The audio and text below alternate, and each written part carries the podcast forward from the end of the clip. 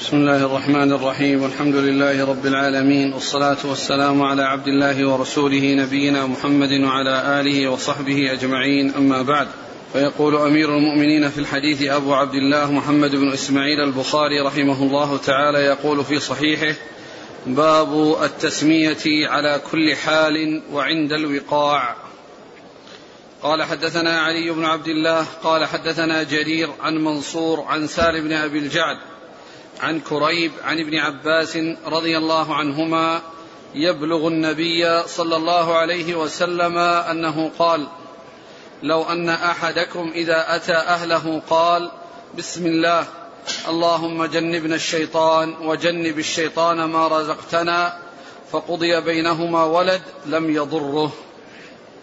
بسم الله الرحمن الرحيم الحمد لله رب العالمين وصلى الله وسلم وبارك على عبده ورسوله. نبينا محمد وعلى آله وأصحابه أجمعين. أما بعد يقول الإمام البخاري رحمه الله باب التسمية على كل حال وعند الوقاع. وذكر حديث ابن عباس رضي الله تعالى عنهما في التسمية عند الجماع يعني قبله قبل أن يبدأ بالجماع يسمي الله عز وجل. وذكر هذا الحديث أن النبي صلى الله عليه وسلم قال لو أن أحدكم يعني عندما إذا أراد أن يجامع أهله أو إذا جامع أهله أن يسمي الله عز وجل فقضي بينهما ولد يعني من ذلك الوقاع لم يضره يعني لم يضره الشيطان. والحديث هو يتعلق بالجماع وبكتاب النكاح ولكنه أورده هنا من أجل آه، يعني آه، قياس يعني غيره عليه لأنه أورده في كتاب الوضوء و يعني والمقصود من ذلك التسمية عند الوضوء وأنها من الحالات التي يعني تكون التسمية عندها عنده ولكنه لم يثبت أو لم يعني يكن آه، عند على شرط البخاري يعني ما يتعلق بهذا المو بهذه المسألة التي هي التسمية عند الوضوء ولكنه أورد ذلك الحديث المتعلق بالجماع وأنه آه، يعني يقاس غيره عليه كما أن أنه عند الوقاع يعني تحصل التسمية فإنه كذلك في الأحوال الأخرى تحصل التسمية. وقد جاء في آه، التسمية في أمور متعددة في أحوال مختلفة وفيما يتعلق بالوضوء جاء في حديث لا وضوء لمن لم يذكر اسم الله عليه و والحافظ لم يتعرض له لم يتعرض للإشارة إلى يعني هذا الحديث عند شرح هذا الحديث ولكن آه الشيخ ناصر الألباني رحمه الله ذكره في صحيح آه سنن أبي داود في آه رقم واحد وتسعين وذكر أن ابن أبي شيبة قال ثبت وأن ابن كثير قال أنه حديث صحيح أو حسن وذكر عن ابن الصلاح أنه حسنه وذكر عن المنذري أنه قواه في الترغيب والترهيب وذكر عن الحافظ بن حجر أيضا أنه قواه. فيكون يعني هؤلاء الخمسة يعني آه الذين ذكرهم الشيخ ناصر رحمه الله في صحيح سنن أبي داود عند رقم 91 فيه ذكر هؤلاء الخمسة الذين منهم من أثبته ومنهم من حسنه ومنهم من صححه أو حسنه ومنهم من قواه. ف فيكون آه، يعني البخاري رحمه الله آه، لكونه لم يكن هناك شيء على شرطه في موضوع التسمية عند الوضوء ذكر هذا الحديث الذي هو حديث آه، ابن عباس في في الدعاء عند الجماع. وهذا إنما يكون قبل البدء بالجماع يسمي الله عز وجل إذا أراد أن يبدأ. ويعني وقاس عليه البخاري رحمه الله ذكر آه، هذه الترجمة العامة فيما يتعلق بالتسمية على كل حال يعني أنها من باب القياس. نعم. قال حدثنا علي بن عبد الله هو بن المديني. عن جرير بن عبد الحميد عن منصور. منصور بن المعتمر عن سالم بن أبي الجعد. نعم. عن كريب. عن كريب نعم مولى بن عباس. عن ابن عباس. وهؤلاء ثلاثة من التابعين. يعني ثلاثة من التابعين منصور وسالم وكريب. وفي الحديث وفيه أن أن أن في آخره قال يبلغ به عن ابن عباس قال يبلغ يبلغ النبي. يبلغ النبي صلى الله عليه وسلم. يعني هذه العبارة في الغالب أنها تستعمل فيما إذا لم يجزم بالصيغة التي قالها الصحابي. يعني إذا كان الراوي عن الصحابي أو من دون من التابع أو من دونه إذا لم يكن جازما بالصيغة التي قالها الصحابي فإنه يؤتى بهذه العبارة لأنها تغني أو يعني يعني يعني سمعت رسول الله صلى الله عليه وسلم أو قال رسول الله صلى الله عليه وسلم عن رسول الله صلى الله عليه وسلم هذه كلها يعني صيغ. فإذا لم يكن آه، حصل ضبط الصيغة التي قالها الصحابي فإنهم يعبرون بمثل هذه العبارة التي تدل على أنه مرفوع ولكن صيغة الرفع وكيفية الرفع هذه هي الذي أجملت بقوله يبلغ به النبي صلى الله عليه وسلم. يعني يبلغ به النبي صلى الله عليه وسلم قائلا سمعت أو قائلا قال قال أو قال عن رسول الله صلى الله عليه وسلم. فمثل يبلغ به أو ينميه أو يرويه عن النبي صلى الله عليه وسلم أو غير ذلك من العبارات هذه يؤتى بها في الغالب إذا لم يكن هناك جزم بالصيغة أو صيغة الرفع إلى رسول الله صلى الله عليه وسلم ولكنها تفيد ولكنها دالة على الرفع كان يقول يبلغ به النبي صلى الله عليه وسلم. لكن هل قال سمعت أو قال قال أو قال عن هذا هو الذي لم يجزم به. نعم. والحديث سيأتي في كتاب النكاح فيما يتعلق بآداب النكاح وهو التسمية قبل الوقاع. قال رحمه الله تعالى باب ما يقول عند الخلاء. قال حدثنا آدم قال حدثنا شعبة عن عبد العزيز بن صهيب قال سمعت أنسا رضي الله عنه يقول كان النبي صلى الله عليه وعلى آله وسلم إذا دخل الخلاء قال اللهم إني أعوذ بك من الخبث والخبائث. تابعه ابن عرعرة عن شعبة وقال غندر عن شعبة إذا أتى الخلاء وقال موسى عن حماد إذا دخل وقال سعيد بن زيد حدثنا عبد العزيز إذا أراد أن يدخل ثم ذكر باب باب الدعاء. ما يقول عند الخلاء. ما يقول عند الخلاء يعني عند قضاء الحاجة. باب ما يقول عند قضاء الحاجة. والمقصود من ذلك أن الإنسان عندما يقضي حاجته ويكون في مكان معد مهيأ يعني بحيث أن الإنسان يدخل مع باب إلى مكان قضاء الحاجة فإنه يسمي عند إرادة الدخول وليس بعد الدخول. قد ذكر البخاري رحمه الله الحديث ومتابعات له وألفاظ متعددة وختمها بالرواية التي فيها أنه إذا أراد أن يدخل فيكون تكون مفسرة ومبينة على أن هذا الذكر إنما يؤتى به عند إرادة الدخول. لا أن الإنسان إذا دخل يأتي بهذا الذكر لا أن الإنسان إذا دخل يأتي بهذا الذكر. فتكون هذه الرواية الأخيرة التي ذكرها موضحة ومفسرة بأن قوله أتى أو دخل يعني أراد أن يدخل أو أراد أن يأتي يعني يعني أن يدخل. هذه من العبارات التي هي آه، إذا جاءت بدون إرادة الشيء فإنه يراد بها الإرادة يراد بها إرادة الشيء مثل آه، مثل ما سبق أن مر بنا يا أيها الذين إذا قمتم من الصلاة يعني أردتم القيام. فإذا قرأت القرآن فاستعذ يعني إذا أردت القراءة. يعني معناها تكون بين يديه وتكون قبله.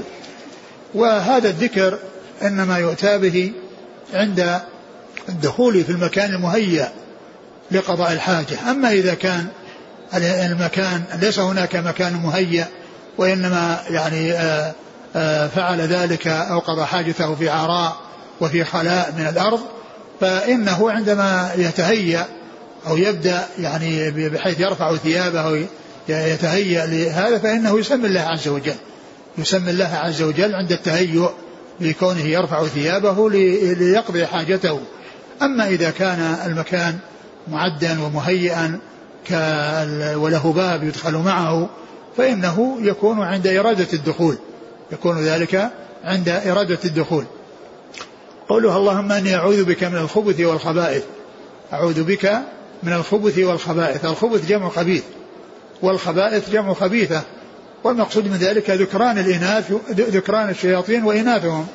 يعني الذكران في الخبث جمع خبيث والإناث يعني الخبائث جمع خبيثة.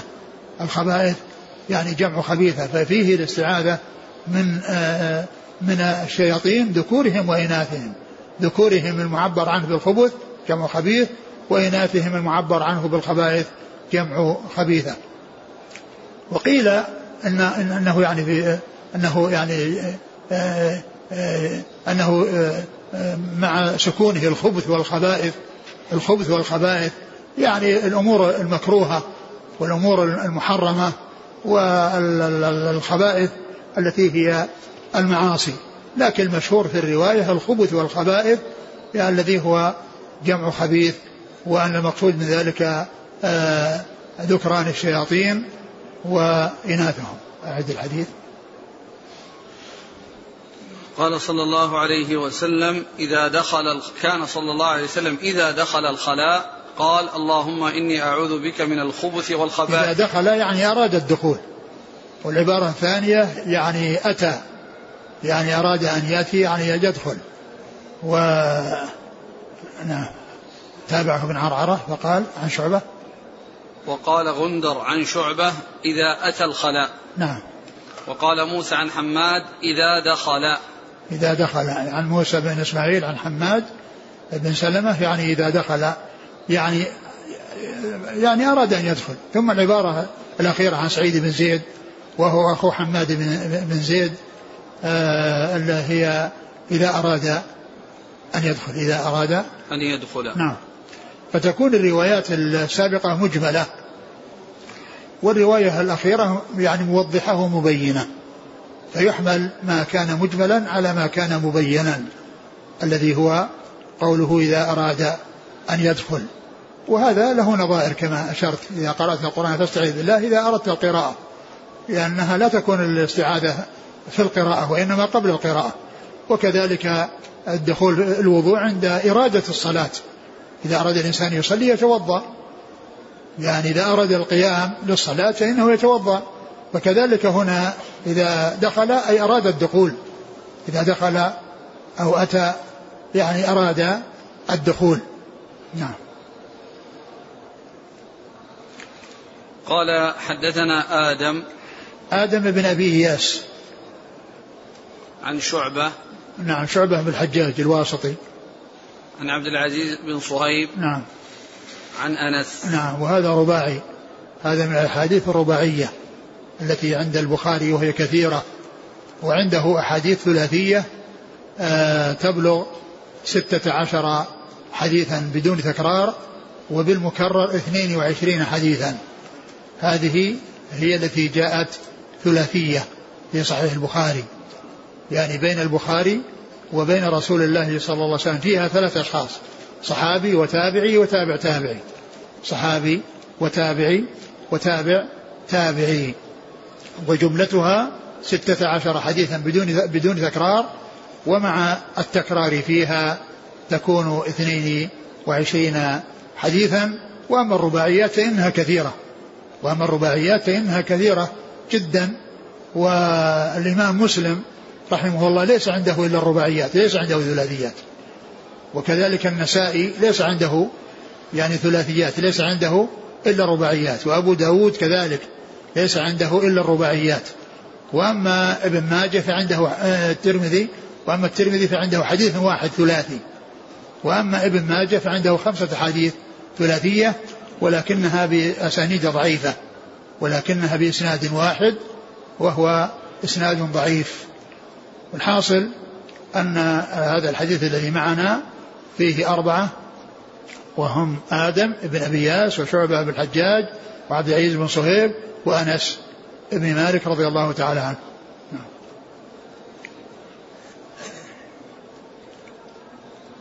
الأخ يسأل الآن الحديث في إذا دخل الخلاء. ثم قال وقال موسى عن حماد إذا دخل. إيش إيش الأولى؟ الرواية اللي ساقها قال م. إذا دخل الخلاء قال اللهم إني أعوذ بك. أيوة. ثم قال وقال موسى عن حماد إذا دخل. وقال موسى عن حماد إذا دخل. إيه يعني أن آه يعني رواية موسى عن حماد مثل رواية آه آدم عن عن شعبة. مثل رواية آدم عن شعبة. يعني هذه بطريقة ثانية. لموسى عن حماد قال إذا دخل. وهذا وذاك اللي هو الأول الذي هو يعني آدم عن شعبة إذا دخل. يعني أن أن أن هذا أنها متابعة يعني موافقة لنفس اللفظ الذي حصل. نعم. قال تابعه ابن عرعرة عن شعبة. نعم تابعه أي تابع آه، آدم. آدم نعم اللي هو شيخه. لأن محمد بن بن عرعرة شيخه شيخ البخاري وآدم بن أبي إياس شيخ البخاري فإذا يعني آه ابن عرعرة محمد تابع آدم بن أبي إياس في روايته عن شعبة. ولكنه قال مش قال؟ نعم بس هكذا قال. نعم نعم. يعني وقال يعني نعم مثل اللفظ يعني نعم. وقال غندر عن شعبة إذا أتى الخلاء. وقال غندر عن شعبة إذا أتى الخلاء يعني عبر بأتى بدل إذا دخل. نعم. وقال موسى عن حماد إذا دخل. يعني هذه طريقة ثانية غير طريق شعبة. طريقة ثانية غير طريق شعبة وهي مثل مثل مثل ما ذكره البخاري عن آدم عن شعبة. نعم. وقال وموسى, وموسى هو بن إسماعيل التبوذكي. نعم. وقال سعيد بن زيد حدثنا عبد العزيز. وسعيد بن زيد هذا أخو أخو حماد بن زيد. قال يعني قال إذا إذا إذا أراد. إذا أراد نعم. نعم إذا أراد أن يدخل. نعم. هذه الرواية الأخيرة هي التي تحمل عليها بقية الروايات. تحمل عليها بقية الروايات وأن المقصود إذا دخل أراد أن يدخل. نعم. يسأل يقول هنا الدعاء يقال إذا دخل الخلاء لقضاء الحاجة. فكيف إذا دخل مثلا لتنظيفه؟ هل يشرع له أن يقول هذا الدعاء؟ إذا كان المكان مهيأ لقضاء الحاجة مهيأ لقضاء الحاجة فإنه يقول هذا الكلام. لأنه دخل مكان يعني يعني تحضره الشياطين. لكن إذا كان المكان ليس مهيئا لقضاء الحاجة وإنما يعني مكان مهيأ للاستحمام وليس فيه مكان لقضاء الحاجة فهذا يعني ليس مثل ذلك لأن هذا يعني آه ليس فيه يعني محل القاذورات محل البول محل الغائط وإنما هو مكان للاستحمام والاغتسال فهذا يختلف عن هذا. وهل تشرع التسمية قبل قوله اللهم إني أعوذ بك من الخبث والخبائث؟ ذكر يعني الحافظ بن حجر أن, أن أنه جاء في يعني رواية على شرط مسلم أنه يعني يأتي قبلها بالتسمية فيقول بسم الله اللهم إني أعوذ بك من الخبث والخبائث. قال رحمه الله تعالى باب وضع الماء عند الخلاء. قال حدثنا عبد الله بن محمد قال حدثنا هاشم بن القاسم قال حدثنا ورقاء عن عبيد الله بن أبي يزيد عن ابن عباس رضي الله عنهما أن النبي صلى الله عليه وعلى آله وسلم دخل الخلاء فوضعت له وضوءا قال من وضع هذا فأخبر. فقال اللهم فقهه في الدين. ثم ذكر باب وضع الوضوء عند الخلاء. وضع الماء وضع الماء عند الخلاء, عند الخلاء. يعني لمن يعني يقضي حاجته بحيث يستعمل يعني هذا الماء إذا انتهى أو إذا خرج يعني من قضاء حاجته. فأورد حديث ابن عباس أن النبي صلى الله عليه وسلم دخل الخلاء فأحضرت ماء ووضعته عنده إيه، عند الخلاء. فلما خرج قال من وضع هذا فأخبر بأن الذي وضعه ابن عباس فقال اللهم فقهه في الدين. اللهم فقهه في الدين. وقيل يعني أن مناسبة هذا الدعاء أو ذكر الحافظ أن مناسبة هذا الدعاء أن أن الأمر لا يخلو من ثلاث حالات. إما أن يدخل عليه وهذا غير لائق وقد يطلع يعني يطلع منه على شيء لا يناسب أن يطلع عليه أو أنه لا يوضع شيء. وهذا يعني يتطلب يعني مشقة وبحث عن الماء أو أنه يوضع عند عند الخلاء بحيث أنه يكون قريبا منه يعني يتناوله بسهولة أو يصل إليه بسهولة. فلما كان ابن عباس رضي الله عنه فعل هذا الثاني الذي هو ليس الدخول وليس الترك وإنما هو التوسط بين ذلك بأن جعل قريبا أو عند عند محل قضاء الحاجة فهذا دل على فقهه وعلى فهمه وعلى نباهته فدعا له النبي صلى الله عليه وسلم فقال اللهم فقهه في الدين. لما أخبر بأن ابن عباس هو الذي فعل هذا. لما أخبر بأن ابن عباس هو الذي صنع هذا هو الذي فعل هذا قال اللهم فقهه في الدين. إذا المناسبة للدعاء له كون فعل هذا الفعل الذي ليس فيه دخولا عليه وهو غير لائق وليس فيه إهمالا وتركا بحيث أنه يحتاج إلى تطلب وأن يبحث عنه من مكان بعيد. ولكنه وضعه في هذا المكان القريب فهو دال على فطنته وعلى ذكائه ونباهته.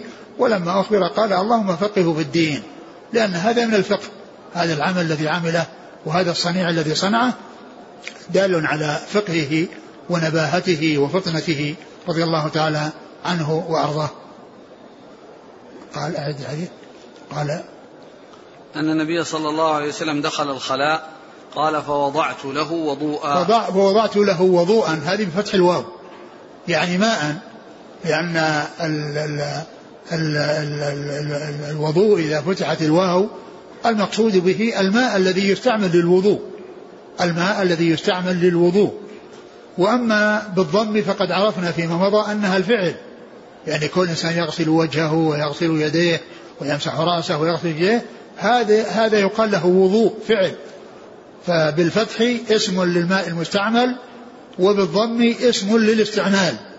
وهذا له نظائر متعددة مثل السحور والسحور. السحور اسم للطعام الذي يؤكل في السحر للصيام. والسحور هو الأكل هو نفس الأكل. كل إنسان يأكل في السحر يتسحر. وكذلك السعوط والسعوط. السعوط اسم اسم للشيء الذي يستصعط في الأنف. والسعوط نفس الاستصعاط.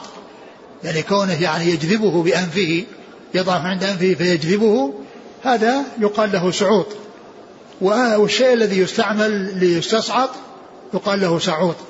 وكذلك الوجور والوجور. الوجور والوجور.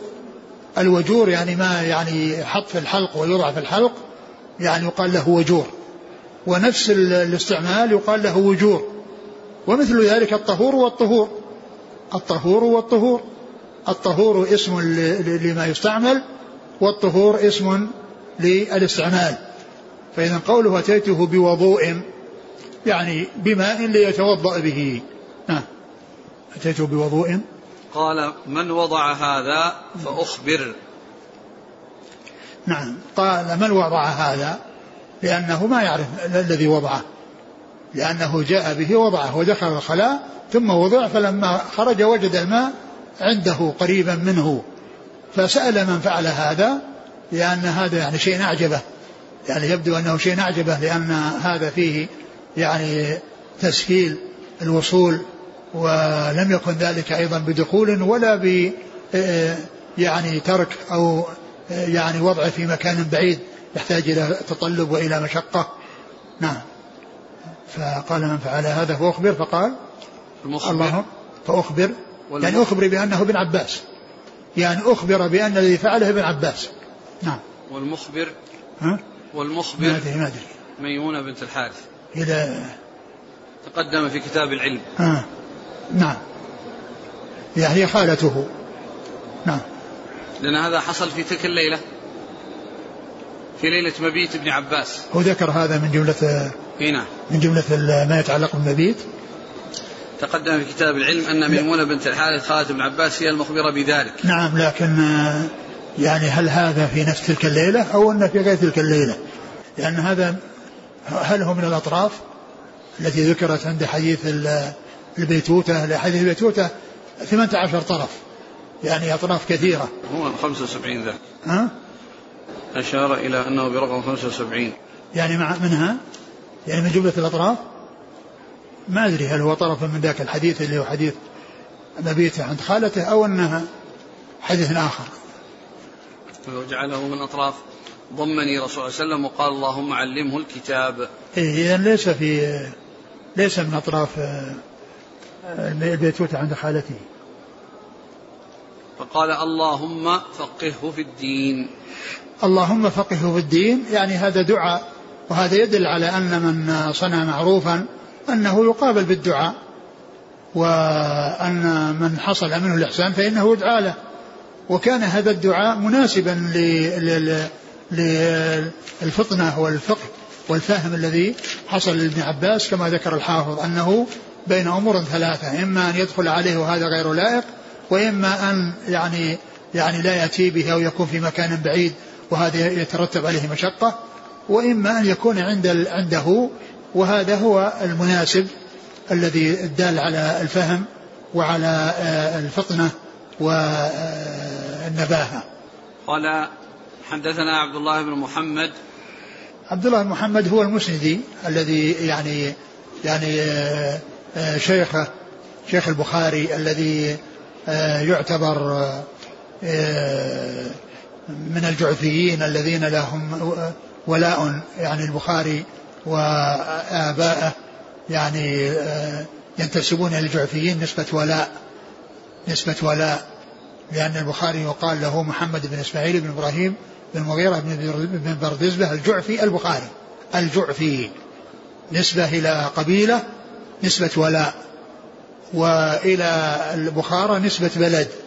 وإلى بخارى نسبة بلد. ولهذا الإمام النووي رحمه الله عندما ذكر أول حديث في الأربعين النووية وهو حديث إنما الأعمال بالنيات قال رواه إمام المحدثين.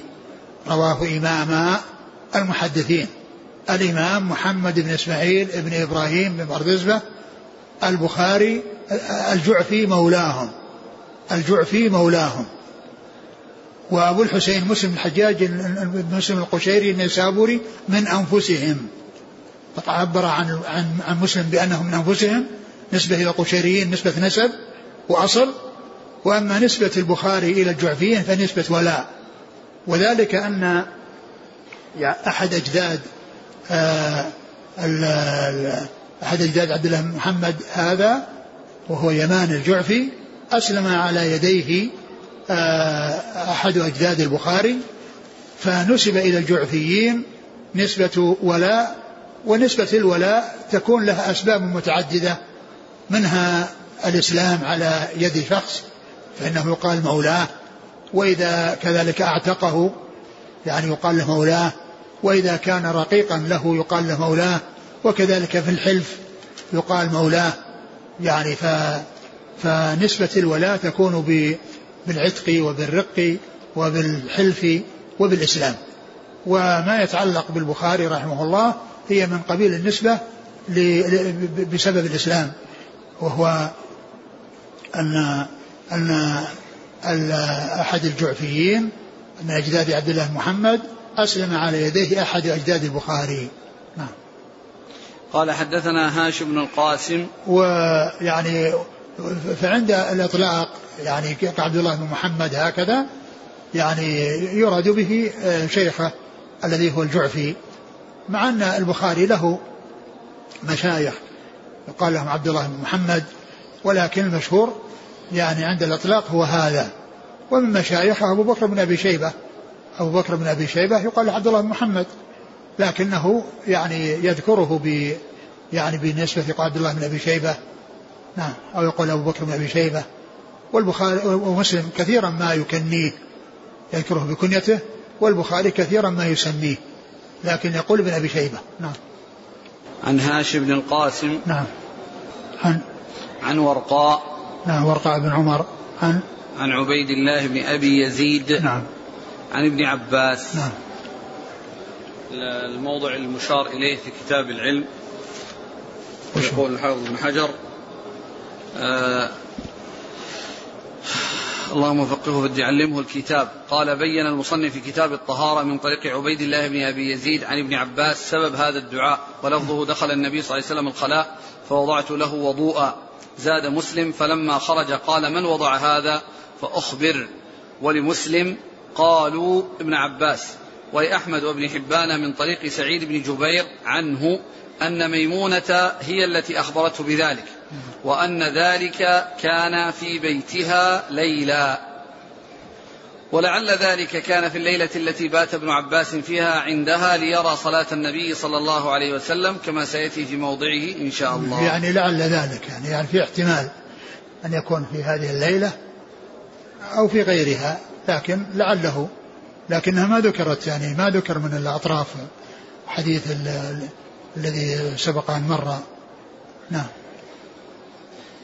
قال وقد أخرج أحمد من طريق عمرو بن دينار عن كريب عن ابن عباس في قيامه خلف النبي صلى الله عليه وسلم في صلاة الليل وفيه فقال لي ما بالك؟ أجعلك حذائي فتخلفني. فقلت أو ينبغي لأحد أن يصلي حذاءك وأنت رسول الله؟ فدعا لي أن يزيدني الله فهما وعلما. مش أعد هذا؟ أعد أخرج أحمد من طريق عمرو بن دينار. عن كريب عن ابن عباس في قيامه خلف النبي صلى الله عليه وسلم في صلاة الليل. وفيه فقال لي ما بالك؟ أجعلك حذائي فتخلفني. يعني حذائي مسامت له. يعني مسامت له فتخلفني يعني أنك تتأخر. فقلت أو ينبغي لأحد أن يصلي حذاءك وأنت رسول الله؟ فدعا لي أن يزيدني الله فهما وعلما. نعم يعني هذا أيضا معنى آخر يعني أو تعليل آخر للدعاء. وكذلك أيضا الذي ذكره هناك الحافظ كونه يعني آه، يحتمل أمورا ثلاثة إما أن يدخل وهو غير لائق وإما أن لا يأتي به أو يكون بعيد وهذا فيه تتطلب مشقة وإما أن يكون الثاني الذي يكون عند الخلاء وهذا هو المناسب وهو الذي يعني دال على فطنته وذكائه وأنه هذا فعل هذا الفعل وليس الأمرين المتقابلين الغير مناسبين اللذين هي الدخول والترك. نعم. قال رحمه الله تعالى باب لا تستقبل القبلة بغائط. وهذا الحديث الذي ذكره عن عمرو بن دينار ما أدري الإسناد فيه يعني إلى عمرو بن دينار يعني في مسند الإمام أحمد. يعني معنى ذلك أنه إذا إذا إذا إذا حصل أن الإنسان يعني سامت الإمام أو تأخر عنه قليلا أن ذلك سائر. لكن الرسول صلى الله عليه وسلم يعني أرشده إلى أنه كان يضعه بحذائه يعني مسامت له وأنه يعني لا, لا يحتاج أو لا يتطلب الأمر تأخر نعم.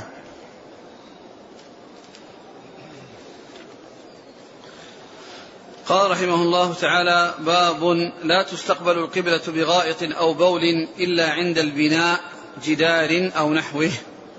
قال حدثنا آدم قال حدثنا ابن أبي ذئب قال حدثنا الزهري عن عطاء بن يزيد الليثي عن أبي أيوب الأنصاري رضي الله عنه أنه قال قال رسول الله صلى الله عليه وعلى آله وسلم إذا أتى أحدكم الغائط فلا يستقبل القبلة ولا يولها ظهره شرقوا أو غربوا. ثم ذكر باب لا تستقبل. القبلة بغائط أو بول باب إلا عند الجدار نعم عند لا, البناء. لا تستقبل القبلة ببول أو غائط إلا عند الجدار بناء. عند البناء. عند البناء جدارا أو غيره أو نحوه. أو نحوه. نعم. نعم. فهذا يتعلق أيضا بآداب قضاء الحاجة. يتعلق بآداب قضاء الحاجة وهو أن الإنسان عندما يريد قضاء الحاجة فإنه لا يعني يستقبل القبلة ولا يستدبرها. لا يستقبل القبلة ولا يستدبرها وإنما يكون متجها إلى غيرها يعني إلى غير جهة استقبالها واستدبارها. يعني بأن كان إذا كان من جهة الشمال أو من جهة الجنوب فإنه يشرق ويغرب. يعني يتجه إلى الشرق أو الغرب لأنه بذلك لا يكون مستقبلا القبلة وإذا كان من جهة الشرق أو الغرب فإنه يجنب ويشمل. يعني يتجه إلى جهة الشمال وإلى جهة الجنوب. يعني حتى لا يكون مستقبلا القبلة ولا مستدبرا لها. ولهذا قال شرقوا أو غربوا يعني يريد من ذلك مكان أهل المدينة ومن كان مثل أهل المدينة ممن كان من جهة الشمال ومثل ذلك ما كان من جهة الجنوب فإنهم يشرقون ويغربون. ما كان عن القبلة من جهة الجنوب فإنهم يشرقون ويغربون وما كان من جهة الشمال كالمدينة وغيرها يشرقون ويغربون وما كان من جهة الغرب يعني مثل مثل جدة فإنهم يعني يتجهون إلى جهة الشمال أو جهة الجنوب. وكذلك أيضا ما كان من جهة نجد فإنهم يتجهون إلى جهة الشمال وإلى يعني جهة الجنوب. فإذا قوله صلى الله عليه وسلم شرقوا وغربوا هذا خطاب لأهل المدينة. ومن كان مثل أهل المدينة. خطاب لمن كان من أهل المدينة وما لأهل المدينة وما كان مثل أهل المدينة ممن كان من جهة الشمال أو جهة الجنوب. قال إذا أتى أحدكم إذا الحديث لفظ الحديث. قال صلى الله عليه وسلم إذا أتى أحدكم الغائط فلا يستقبل القبلة. يعني إذا أتى أحدكم الغائط يعني المكان الذي يقضي به حاجته. يعني آه، فإنه لا يستقبل القبلة. يعني والمقصود بالقبلة يعني جهة القبلة. لأن كما هو معلوم يعني ما بين المشرق والمغرب قبلة. لمن كان من جهة الشمال والجنوب لأن المقصود الجهة. يعني في الجهات البعيدة. لأن القبلة يعني ما كما جاء في الحديث ما بين المشرق والمغرب قبلة يعني لا يتجه إلى هذه الجهة وإنما يتجه إلى جهة الشرق أو الغرب. يتجه إلى جهة الشرق أو الغرب إذا كان من أهل المدينة أو ما من كان على مثل آه، المدينة من جهة الشمال أو الجنوب. آه، فلا فلا. فلا يستقبل القبلة ولا يوليها ظهره. ولا يوليها ظهره يعني لا يستقبلها ولا يستدبرها. لا يستقبلها ولا يستدبرها. نعم. ولكن شرقوا أو غربوا. ولكن شرقوا أو غربوا. اتجهوا إلى جهة الشرق أو اتجهوا إلى جهة الغرب عند قضاء الحاجة. وهنا قال إلا إذا كان في بناء جدار أو نحوه يعني آه يعني معناه أن, أن, أن أنه إذا كان في بنيان إذا كان في بنيان فإنه آه لا بأس يعني آه بذلك. ولكن مهما يكون من شيء فإن الإنسان يحرص على أن لا يستقبل القبلة ولا يستدبرها في بنيان ولا غيره. وإن استعملها في البنيان فقد جاء ما يدل على جواز ذلك. لكن الأولى أنها إذا بنيت آه، يعني آه، محل قضاء الحاجة أنه يلاحظ عند بنائها أن تكون على الجهة المناسبة التي أرشد إليها الرسول صلى الله عليه وسلم حتى ولو كان في داخل البنيان. ولهذا جاء عن عن أبي موسى عن أبي أيوب في بعض الأحاديث سيذكرها. قال فلما قدمنا الشام وجدنا مراحيض بنيت نحو الكعبة فننحرف عنها يسيرا ونستغفر الله. فننحرف عنها يسيرا. يعني لا يستقبلون يعني لا يستقبل القبلة يعني حتى في ذلك المكان. لكنه عند الحاجة يعني لا بأس بذلك. وأيضا يعني بعض أهل العلم قال إنه حتى يعني أن ذلك سائغ ما دام في البنيان. ولكن مهما يكن من شيء فإن الحرص على عدم الاتجاه إلى القبلة حيث أمكن ذلك أو تستدبر أن هذا هو الذي ينبغي وأن أماكن قضاء الحاجة عند التأسيس في البنيان ينبغي أن تكون إلى غير جهة القبلة. أن تكون إلى غير جهة القبلة أو جهة استدبارها. ويعني بعض أهل العلم يقول أن ذلك في البنيان وغيره ويقولون أن هذا قولي والفعل الذي ثبت فيه أنه كان يستقبل بيت المقدس ويستقبل القبلة أنه من فعله صلى الله عليه وسلم لكن كما هو معلوم الأصل أن أفعاله هي تشريع للأمة إلا إذا جاء دليل يدل على الخصوص إلا إذا جاء دليل يدل على الخصوص. وبعض أهل العلم قال إن الدليل القولي أنه أقوى من الدليل الفعلي لأن القولي خطاب للأمة وأما الفعلي فإنه يحتمل الخصوصية لكن حيث لم تثبت الخصوصية فإنها الحكم له وللأمة. صلوات الله وسلامه وبركاته عليه. وأن ما يحصل من فعل يعني لم يأتي شيء يدل على اختصاصه به فإنه يكون له وللأمة. نعم. قال حدثنا آدم عن نعم. ابن أبي ذئب. نعم. محمد بن عبد الرحمن. نعم. عن الزهري عن عطاء بن يزيد الليثي. نعم. عطاء بن يزيد الليثي هذا قلت أن فيه ثلاثة من التابعين. كلهم يقال له عطاء أخرج لهم أصحاب الكتب الستة. وهم عطاء بن يزيد الليثي وعطاء بن أبي رباح وعطاء بن يسار. عن أبي أيوب الأنصاري. وهو خالد بن زيد رضي الله عنه. قال رحمه الله تعالى باب من تبرز على لبنتين. قال حدثنا عبد الله بن يوسف قال أخبرنا مالك عن يحيى بن سعيد عن محمد بن يحيى بن حبان عن عمه واسع بن حبان عن عبد الله بن عمر رضي الله عنهما أنه كان يقول إن ناسا يقولون إذا قعدت على حاجتك فلا تستقبل القبلة ولا بيت المقدس. فقال عبد الله بن عمر لقد ارتقيت يوما على ظهر بيت لنا فرأيت رسول الله صلى الله عليه وسلم على لبنتين مستقبلا بيت المقدس لحاجته وقال لعلك من الذين يصلون على اوراكهم فقلت لا أدري والله لا أدري والله قال مالك يعني الذي يصلي ولا يرتفع عن الأرض يسجد وهو لاصق بالأرض ثم ذكر هذه الترجمة باب التبرز على لبلتين تبرز يعني قضاء الحاجة. ويقال يعني فيه مثل ما يقال في الخلاء يقال في البراز. يعني أنه يقضي حاجته والأصل أنه يكون في الخلاء وفي الأماكن البارزة. وقد يكون يعني في البيوت يعني بعدما اتخذت الكنف يعني بعد ذلك في البيوت. فإنه يعني يكون يعني كما يكون في الخلاء وفي الأماكن الخالية. وفي الفضاء يكون أيضا في داخل البنيان. ثم ذكر هذا الحديث الذي فيه أن ابن عباس أن ابن عمر رضي الله تعالى عنهما يقول قال إن الناس يقولون إن الإنسان لا يستقبل القبلة يعني آه يعني ولا يستدبرها وإنني رقيت يوما على بيت لنا فوجدت النبي صلى الله عليه وسلم على لبنتين يقضي حاجته مستقبل الشام مستدبر القبلة. يقضي حاجته مستدبر مستقبل الشام مستدبر القبلة. فهذا يبين يعني أو يدل على جواز يعني مثل هذا العمل وأن كون الإنسان يعني يستقبل في البنيان أنه لا بأس به. ولكن كما قلت أن الأولى أنها عندما توضع الأماكن التي تهيأ لقضاء الحاجة في البنيان ينبغي أن توضع على الجهة المناسبة التي تتطابق مع حديث النهي الذي جاء عن أبي أيوب الأنصاري رضي الله عنه. وما جاء عن ابن عمر يدل على الجواز. يدل على الجواز وأن ذلك سائغ وأن يعني آه، أنه في داخل البنيان أنه لا بأس بذلك.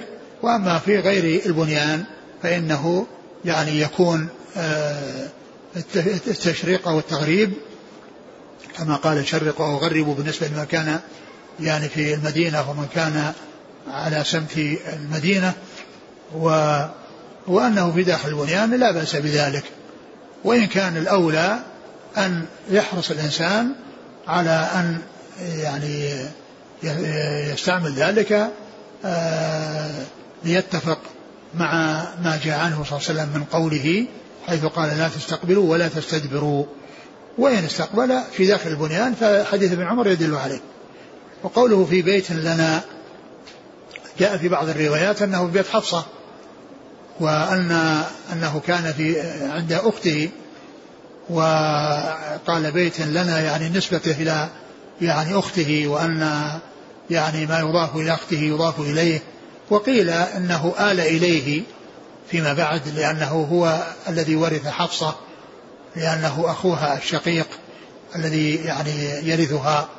دون غيره فنسبته إما بنسبة ما آل إليه من كونه المالك له في المستقبل على سبيل الإرث أو من جهة آه، آه، إضافته إلى قريبه وأنه يضاف إليه أضافه إليه لكونه مما اختص به آه، قريبه الذي هو أخته حفصة رضي الله عنها أم المؤمنين. أعد. قال إن أناسا يقول أنه كان يقول ابن عمر إن ناسا يقولون إذا قعدت على حاجتك فلا تستقبل القبلة ولا بيت المقدس. فقال عبد الله بن عمر لقد ارتقيت يوما على ظهر بيت لنا فرأيت رسول الله صلى الله عليه وسلم على لبنتين مستقبلا بيت المقدس لحاجته.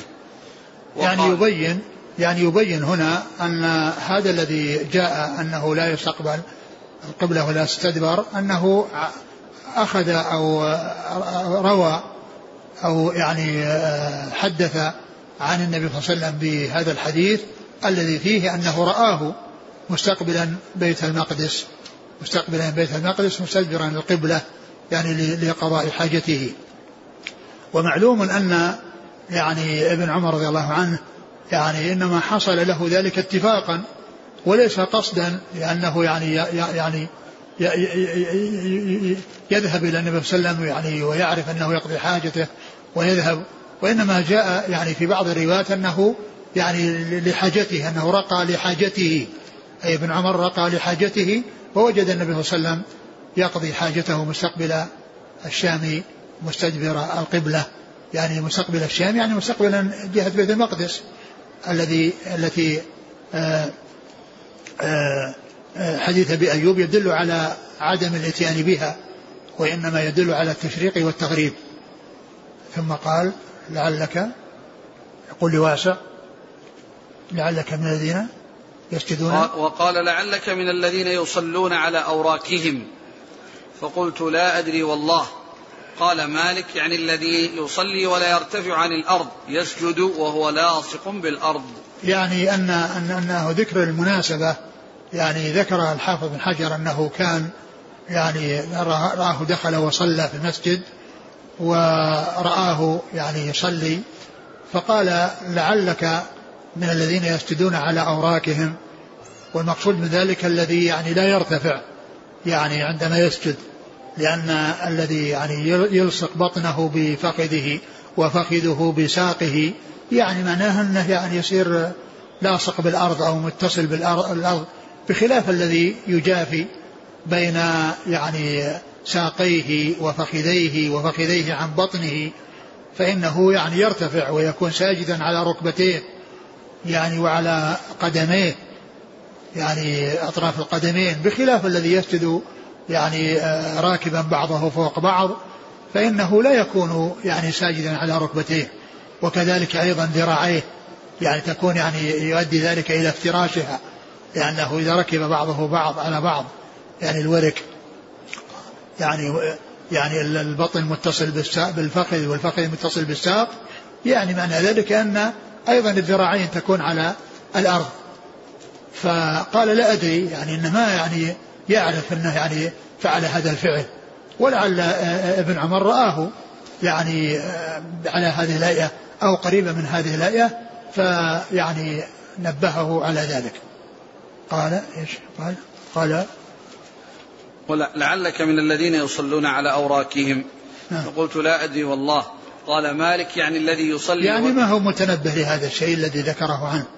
يعني كونه يفعل هذا الفعل ما ما كان متنبه لهذا أو إنه يعني آه نعم آه يعرف إنه حصل منه هذا الفعل تماما. نعم. قال مالك يعني الذي يصلي ولا يرتفع عن الأرض. نعم الذي يصلي يعني بعضه راكبا بعض بعضه راكبا بعضه بعضا بحيث البطن راكب على الفخذ والفخذ راكب على الساق. نعم. يسجد وهو لاصق بالأرض. نعم. قال حدثنا عبد الله بن يوسف نعم. عن مالك نعم. عن يحيى بن سعيد. يحيى بن سعيد الأنصاري وهو من صغار التابعين. نعم. عن محمد بن يحيى بن حبان. نعم. عن عمه واسع بن حبان. وفيه ثلاثة من التابعين. فيه ثلاثة من التابعين وقيل أن له صحبة الذي هو واسع. نعم. عن عبد الله بن عمر. نعم. عليه يكون إسناد مدنيون. نعم. عبد الله بن يوسف آه، ومصري. نعم. ولكنه أخذ عن مالك. نعم نعم نعم, نعم. قال رحمه الله تعالى باب خروج النساء إلى البراز. قال حدثنا يحيى بن بكير. قال حدثنا الليث. قال حدثني عقيل عن ابن شهاب عن عروة عن عائشة رضي الله عنها أن أزواج النبي صلى الله عليه وسلم كن يخرجن بالليل إذا تبرزن إلى المناصع وهو صعيد أفيح. فكان عمر رضي الله عنه يقول للنبي صلى الله عليه وسلم احجب نساءك. فلم يكن رسول الله صلى الله عليه وسلم يفعل. فخرجت سودة بنت زمعة رضي الله عنها زوج النبي صلى الله عليه وسلم ليلة من الليالي عشاء. وكانت امرأة طويلة فناداها عمر ألا قد عرفناك يا سودة حرصا على أن ينزل الحجاب فأنزل الله آية الحجاب. ثم قال باب خروج النساء إلى البراز. إلى البراز يعني لقضاء الحاجة الأماكن البارزة لقضاء الحاجة.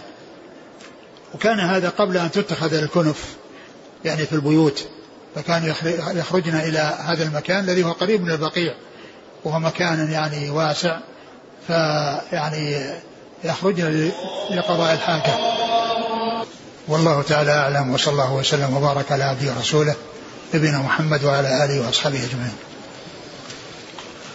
جزاكم الله خيرا وبارك الله فيكم ألهمكم الله الصواب ووفقكم للحق ونفعنا الله بما سمعنا وغفر الله لنا ولكم وللمسلمين أجمعين. آمين. يقول السائل ما المناسبة التي قال فيها ابن عمر لهذا التلميذ لعلك من الذين يصلون على أوراكهم يعني لعله هو أنا ذكرت أن الحافظ بن حجر ذكر أنه كان في المسجد وأنه جاء وصلى اللي هو واسع هذا وأنه يعني بعد ذلك قال له فلعله رآه يعني أنه على هيئة تشبه يعني هذه الهيئة. شوف كلام ابن حجر فيه ذكرها. قيل يحتمل أن يكون أراد بذلك أن الذي خاطبه لا يعرف السنة. إذا لو كان عارفا بها لعرف الفرق بين الفضاء وغيره أو الفرق بين استقبال الكعبة وبيت المقدس. وإنما كنا عمن لا يعرف السنة بالذي يصلي على وركيه. لأن من يفعل ذلك لا يكون إلا جاهلا بالسنة. وهذا الجواب للكرماني. ولا يخفى ما فيه من التكلف. وليس في السياق أن واسعا سأل ابن عمر عن المسألة الأولى حتى ينسبه إلى عدم معرفتها. ثم الحصر الأخير مردود. لأنه قد يسجد على وركيه من يكون عارفا بسنن الخلاء والذي يظهر في المناسبة. يقول لأنه قد يسجد على وركيه نعم. من يكون عارفا بسنن الخلاء. نعم. والذي يظهر في المناسبة ما دل عليه سياق مسلم. ففي أوله عنده عن واسع قال كنت أصلي في المسجد فإذا عبد الله بن عمر جالس فلما قضيت صلاتي انصرفت إليه من شقي. فقال عبد الله يقول الناس فذكر الحديث. فكأن ابن عمر رأى منه في حال سجوده شيئا لم يتحقق فسأله عنه بالعبارة المذكورة وكأنه بدأ بالقصة الأولى لأنها من روايته المرفوعة المحققة عنده فقدمها على ذلك الأمر المظنون. ولا يبعد الذي يقول لعلك لأنه قال لعلك. ولا يبعد أن يكون قريب العهد أن يكون قريب العهد بقول بقول من نقل من نقل عنهم ما نقل. فأحب أن يعرف الحكم أو أن يعني الذين يسيرون على أوراقهم. أن يعرف الحكم لهذا التابعي لينقله عنه على أنه لا يمتنع إبداء مناسبة بين هاتين المسألتين بخصوصهما وأن لإحداهما بالأخرى تعلقا بأن يقال لعل الذي كان يسجد وهو لاصق بطنه بوركيه كان يظن امتناع استقبال القبلة بفرجه في كل حالة كما قدمنا في الكلام على مثار النهي. وأحوال الصلاة أربعة قيام وركوع وسجود وقعود. يعني هذه أحوال الصلاة. أربع لا خامس لها. يعني فهو إما قائم وذلك في حال القيام للقراءة أو القيام بعد الركوع فهذا قيام في حالتين. وإما راكع في حال الركوع وإما ساجد في سجدتين وإما جالس في التشهد وبين السجدتين فأحوال الصلاة أو المصلي أربع لا خامس لها فهو إما قائم قبل الركوع وبعده وإما راكع وإما ساجد وإما جالس في التشهد بين السجدتين. ولا خامس لهذه الهيئات الأربع. نعم. وانضمام الفرد فيها بين الوركين ممكن إلا إذا جاف في السجود. فرأى أن في الإلصاق ضما للفرج ففعله ابتداعا وتنطعا والسنة بخلاف ذلك والتستر بالثياب كاف في ذلك كما أن الجدار كاف في كونه حائلا بين العورة والقبلة إن قلنا إن مثار النهي الاستقبال بالعورة فلما حدث ابن عمر فلما حدث ابن عمر التابعي بالحكم الأول أشار له إلى الحكم الثاني منبها له على ما ظنه منه في تلك الصلاة التي رآها نعم ما ظنه منه يعني في الصلاة التي رآه يصلي فيها التي أشار إليها. نعم. وأما قول واسع لا قل ظنه لأنه قال لعلك. ما قال أنت تفعل كذا وكذا أو أنت فعلت كذا وكذا. وأما قول واسع لا أدري فدال على أنه لا شعور عنده بشيء مما ظنه به. ولهذا لم يغلظ ابن عمر له في الز... لم يغلظ ابن عمر له في الزجر.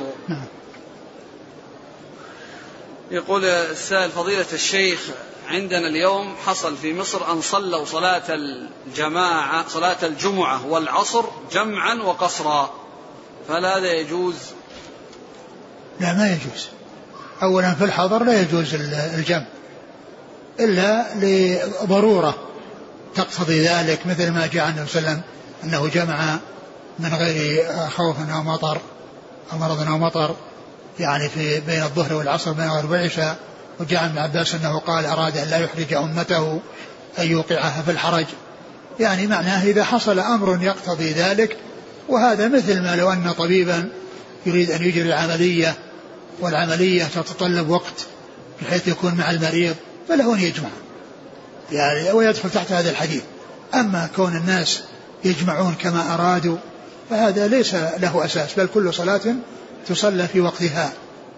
ثم أيضا الجمعة لا تجمع مع العصر. أيضا العصر ما تجمع مع الجمعة لأن الجمعة لها أحكام والعصر لها أحكام وإنما تجمع العصر مع الظهر. تجمع العصر مع الظهر وهذا في السفر أو للمريض الذي يعني يشق عليه يصلي كل صلاة في وقتها فإنه يجوز أن يجمع بين الصلاتين لكن لا يقصر. يعني المريض يعني يجمع ولا يقصر. يعني عند الحاجة إلى أن يجمع. أما كون الناس يعني يجمعون في يعني آه، من غير يعني أمر يقتضي ذلك كالذي أشار إليه ابن عباس في قولها رأي أن لا يحرج أمته؟ ويكون في أمر يعني يقتضي ذلك. نعم. جزاكم الله خيرا. سبحانك اللهم وبحمدك أشهد أن لا إله إلا أنت.